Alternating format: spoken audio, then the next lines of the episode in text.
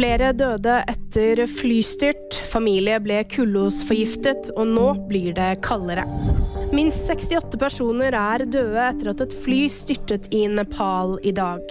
AFP News melder at det er observert flere overlevende, og at noen er sendt til sykehus.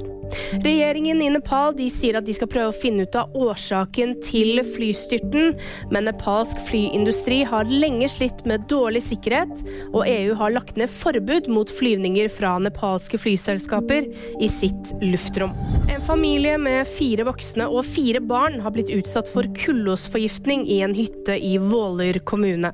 Det melder politiet på Twitter. To av barna har vært bevisstløse, men de har nå kommet til bevissthet igjen. Grunnen skal være en lekkasje med eksos fra et aggregat, og operatør Erik Sørhagen i 110-sentralen fraråder på det sterkeste å ha aggregat innendørs.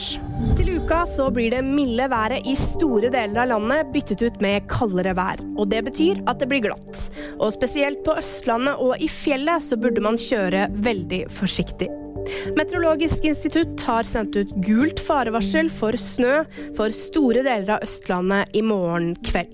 Og VG-nyhetene de fikk du av meg, Ida Aaberg Evensen.